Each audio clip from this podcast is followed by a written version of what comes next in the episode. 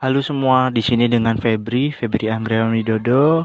Uh, kami adalah konservasionis yang bergerak di bidang harimau untuk WWF Indonesia, program Sumatera bagian tengah.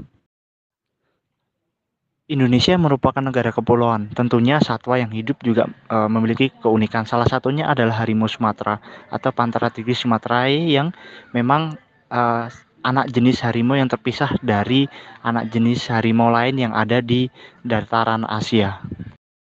Harimau Sumatera itu sendiri memiliki keunikan baik itu secara penampakan tubuhnya dengan warna yang lebih gelap, ukuran yang lebih kecil. Selain itu juga mendiami uh, hanya di Pulau Sumatera.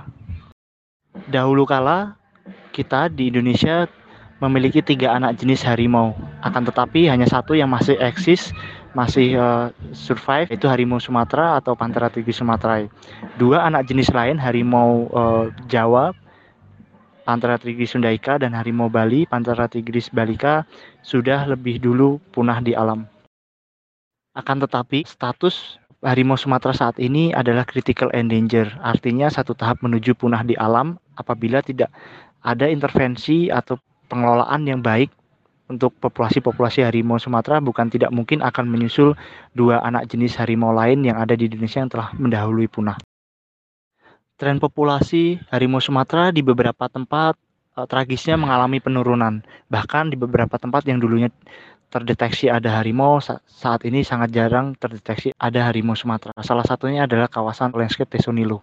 Namun di sisi lain, di site lain, site eh, WWF Indonesia, kami juga merekam adanya indikasi pertumbuhan populasi dengan uh, menangkap individu-individu baru anak-anak harimau yang uh, tertangkap dari hasil pengamatan dengan kamera trap atau kamera pengintai. Berbicara mengenai status harimau Sumatera yang saat ini critical endanger atau tetap uh, menuju punah di alam serta dilindungi oleh regulasi uh, Republik Indonesia dan menjadi salah satu satwa prioritas nasional, maka dengan itu perlu keterlibatan banyak pihak.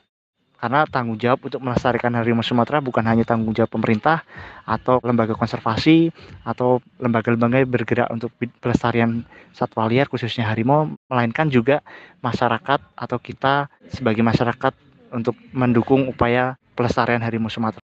Salah satu bentuk keterlibatan kita adalah bijak-bijaklah dalam menggunakan produk-produk yang bahan bakunya mungkin dari uh, sumber daya alam yang berasal dari habitat harimau Sumatera. Dengan demikian kita turut mereduksi permintaan bahan baku dari habitat harimau Sumatera. Contoh penggunaan kertas yang kayunya mungkin diambil dari beberapa hutan yang ada di Pulau Sumatera ataupun produk lainnya. Konservasi harimau Sumatera bukan hanya tanggung jawab pemerintah atau lembaga yang bergerak di bidang konservasi harimau Sumatera saja, melainkan juga seluruh masyarakat yang ada di Indonesia bahkan di dunia.